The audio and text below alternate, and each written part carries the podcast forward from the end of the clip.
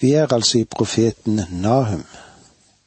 Vi er i det første kapitlet, og i det tredje verset nedfeller Nahum et stort prinsipp ved hvilket Gud ikke bare dømte Asyre og Ninive, hovedstaden da i særlig grad, men også den måten Gud dømmer verden på, og den måten han vil dømme verden på og inn i fremtiden.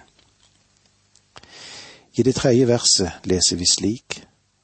Herren er langmodig, men hans kraft er stor, og han unnlater ikke å straffe.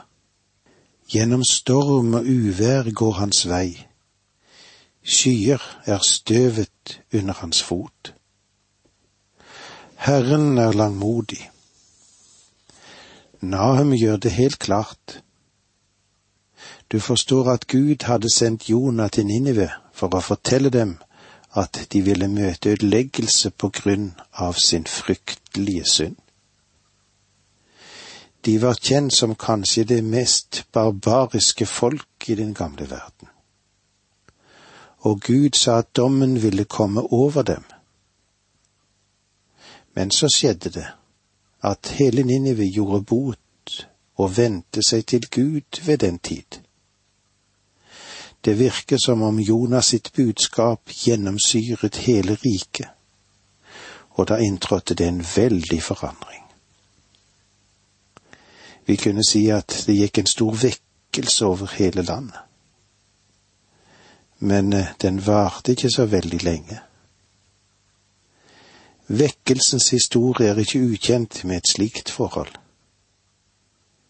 Nahum sier at Gud er langmodig det vil si han er sen til vrede. Men Ninive, hva skjedde da der? Den vendte tilbake til sine gamle stier. Hundre år etter at Jonah kommer så Naum og sier, nå har klokka slått tolv, tiden er rundet ut, nå blir det ikke lenger noen utsettelse, dommen kommer. Herren unnlater ikke å straffe.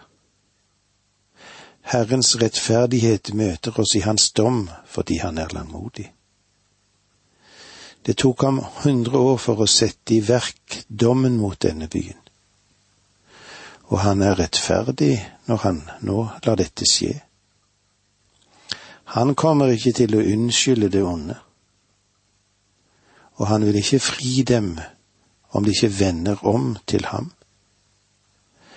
Herren vil ikke la de gudløse slippe, uten at de aksepterer Kristus som frelser, fordi han har betalt for synden. Da vil mennesket bli dømt, hvis de ikke aksepterer Jesus. Gud vil ikke styre unna, for han er rettferdig. Du forstår at Guds tilgivelse, den er annerledes enn vår tilgivelse. Når noen gjør noe galt mot oss, og så sier vi jeg tilgir deg, og det er det. En straff er ikke betalt. Vår tilgivelse den er ganske generell for uh, noe som ikke er så alvorlig, selv om det kunne da hatt sin betydning. Men når Gud tilgir, er straffen allerede betalt. Gud er jordens dommer. Han er ikke bare skaper. Han ikke bare driver den, men han er også den moralske hersker i universet. Og Gud er ingen krokveiens dommer. Du kan ikke sope noe under matten, for han lettere skal slippe deg igjennom, det må du ikke tro. Du kan ikke si til ham at du tilhører en viss familie. Du kan ikke si at din far har stor innflytelse, og at det eventuelt skal løse deg. Og det betyr heller ingenting om du er rik og har makt til å få dommeren skiftet ut. Det nytter heller ikke å komme med bestikkelser, så dommen skal bli mildere. Du kan ikke håndtere Gud på den måten. Gud må dømme det onde og de onde. Og vi får vite at menneskets hjerte er ondt. Det er ikke bare ondt, men det er totalt fordervet, slik som det står om i Jeremia 17,9. Du og jeg, vi kjenner ikke dyp i ondskapen som finnes i vårt hjerte. Vi vet ikke hva vi er i stand til engang. Gud kan ikke nå bare sette en strek over onde, og derfor, om vi da skal gå fri, ja, så må noen betale den straffen som vi har. Og det er det som er grunnen til at han har fremstilt en forløser for oss. Når et enkelt menneske eller en nasjon vender ryggen til Guds forløsning, den som er gitt oss i Kristus, så må dommen følge. Det er ikke noe annet alternativ. Gjennom storm og uvær går hans vei. Skyer er støv under hans fot. Gud beveger seg gjennom hele sitt univers. Stormene som kommer, er under hans kontroll og de tjener hans hensikt. Det vi kaller moder jord, har egentlig ikke noe med dette å gjøre. Moder jord gjør det han sier at moder jord skal gjøre. Vår Gud er skaperen, vår Gud han er forløseren, og han er også dommeren. Det er han som driver alt. Bare overlat det fullt og helt i hans hender, og hvil i ham dag for dag, for han er god. Han er nådig, han er frelseren, og han er langmodig. I det fjerde verset leser vi slik, Han truer havet og tørker det ut. Han legger alle elver tørre. Basan og Karmel visner bort Libanons blomsterprakt dør. Han truer havet og tørker det ut. Han legger alle elver tørre. Gud har allerede vist sin makt til å gjøre det. Han tørket ut Rødehavet og Jordanelven så folken kunne slippe over. Basan, Karmel og Libanon er de tre fruktbare områdene i landet. Karmel er faktisk Estralondalen, og Megiddo var hovedbyen der. Dette er et av de mest fruktbare områdene på jorden. Når du drar videre nedover langs Libanons kyst hele veien fra Beirut til ruin i Tyrus, så er det et vakkert landskap. I vårterminen kan du se frukttrærne blomstre, og i horisonten er Antilibanon dekket med snø.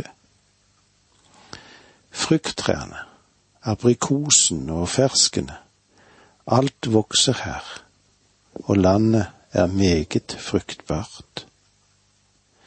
Naam, han sier at det vil komme til å tørke. I vers fem Fjellene skjelver for ham. Haugene skaker og revner. Jorden bever for ham. Verden og alle som bor der. Og med disse ordene må vi si takk for nå. Må Gud være med deg. Dette undervisningsprogrammet består av to deler. Åge Nevland fortsetter nå med andre del av dagens undervisning. Vi er i profeten Nahum, denne profeten som fortalte hvordan det ville gå med Ninive og det som skjedde. Ninive som var den største byen på den tiden, som var hovedstaden i det asyriske riket. Det var en by som mange måtte innom, og så går det så galt. Naum har noe å si til den byen og Nam har noe å si til oss, vi som lever i dag. Og i det første kapitlet, vers fem, leser vi slik. Fjellene skjelver for ham, haugene skaker og revner. Jorden bever for ham, verden og alle som bor der. Han er skaperen, men han er også oppholderen av universet. Det er han som holder alt sammen. Fjellene skjelver for ham. Haugene skaker og revner. Hva med dette? Det henviser selvfølgelig til jordskjelv og vulkaniske utbrudd. Du kan holde ham ansvarlig for alt som hender. For flodbølgen og for jordskjelvene som kommer. Men hold ham ikke ansvarlig for folket som blir drept i så måte. For mennesket er blitt gitt en intelligens som gir signaler om at den ikke bør bygge for nær elven på grunn av faren for oversvømmelser. Mennesker har et ansvar for å handle ansvarlig. Ofte så finnes det tragedier. Ja, fordi, ja hvorfor? Fordi mennesker i sin dumdristighet, ja ikke bare det, men òg i sin likegyldighet velger å trosse farene og eh, de signaler de kjenner som kan bety katastrofer. Slik er det. I vers seks kapittel én her inne ham. Hvem holder stand mot hans harme? Hvem holder ut hans brennende vrede? Hans harme strømmer fram som ild, og knausende styrter sammen for ham. Mennesker har lært at de klarer ikke å stå imot naturen. Victor Hugo skrev tre romaner. Han skrev De elendige for å vise at samfunnet er menneskets fiender. Han skrev Ringeren i Notre-Dame for å vise at religion det er mennesket sin fiende, det. Og han skrev havets lidere for å vise at naturen er menneskets fiende. Vel, det skyldes hvordan mennesket nærmer seg hver av disse tre. Religion har vært en fiende for mennesket, det er så. Samfunnet er menneskets fiende. Dagens sivilisasjon er ikke alles venn. Det kjenner vi til. Det er sant at naturen kan være en fiende av mennesket, men den kan også være en venn. Og saken dreier seg om vi prøver å kjempe mot naturen. Og gjør vi det, fører vi en kamp som vi til sist kan komme til å tape. Og det var det Victor Hugo prøvde å vise i sine bøker. Hvem holder stand mot hans harme? Hvem holder ut hans brennende vrede? Dette er spørsmålet bestilt til folk i Ninive som hadde avvist miskunn fra den allmektige Gud. Har du et svar på dette spørsmålet? Det vil jeg gjerne konfrontere deg med, om du ennå ikke har funnet din frelse. Kanskje det er slik at du stoler på din egen rettferdighet, eller du stoler på din egen godhet. Tror du virkelig at du kan stå for den hellige Guds åsyn, som har en absolutt avsky for alt det som heter synd, og har til hensikt å dømme den? Kan du stå der når du møter den hellige? Hvem holder stand mot hans harme? Hvem holder ut hans brennende vrede? Den glitrende universitetslektoren C.S. Lewis skrev en historie der han forteller om en busstur som gikk fra helvete til himmelen. Det var en slags tur der de som var i helvete kunne ta en busstur til himmelen.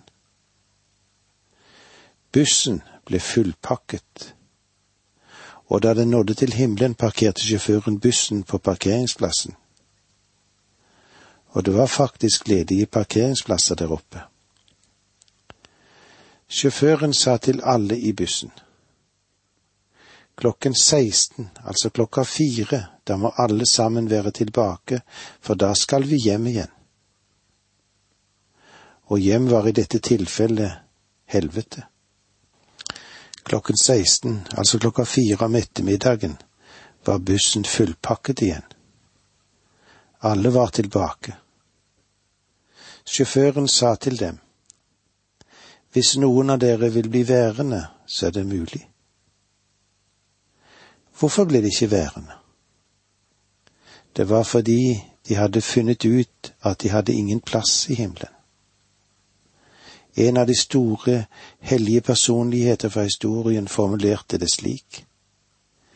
Jeg vil heller gå fortapt uten synd enn å ankomme himmelen med synd. Hvem holder ut hans brennende vrede? Om du ikke har en frelser, hvordan skal du da bli stående som en synder for den hellige Guds åsyn? Tror du at du har noen sjanse da? Det finnes ikke fnugg av mulighet. Du kan ikke stå der uten en frelser. Det å kunne komme fram for hans åsyn, det er det det menes med å bli akseptert i den elskede, å være i Kristus. Det er dette veldige prinsipp som nå Nahum nedfeller for oss her. Gud må dømme synd. Det er noe radikalt med Gud om han ikke dømmer synd. Nahums beskrivelse av Guds makt og harme skulle gi folk i Juda en ny visshet om at de var beskyttet av den allmektige Gud når Asyria ville prøve å innta landet. Vers syv Herren er god, et vern i nød. Han tar seg av dem som tyr til ham. Herren er god. La oss holde det klart for oss. Husk at salmisten sier, Pris Herren, for Han er god. Hans miskunn varer til evig tid. Så skal de si, de som Herren forløste. Ja, slik står det i Salme 107 versene 1 og 2. Hvis de forløst ikke sier det, så er det ingen andre som kan si det. Så vil jeg gjerne si Gud er god. Gud er god. Og det er vidunderlig å vite det. Jeg vet ikke hvem du er. Jeg vet ikke hvor du er, og jeg vet ikke hvordan du har det.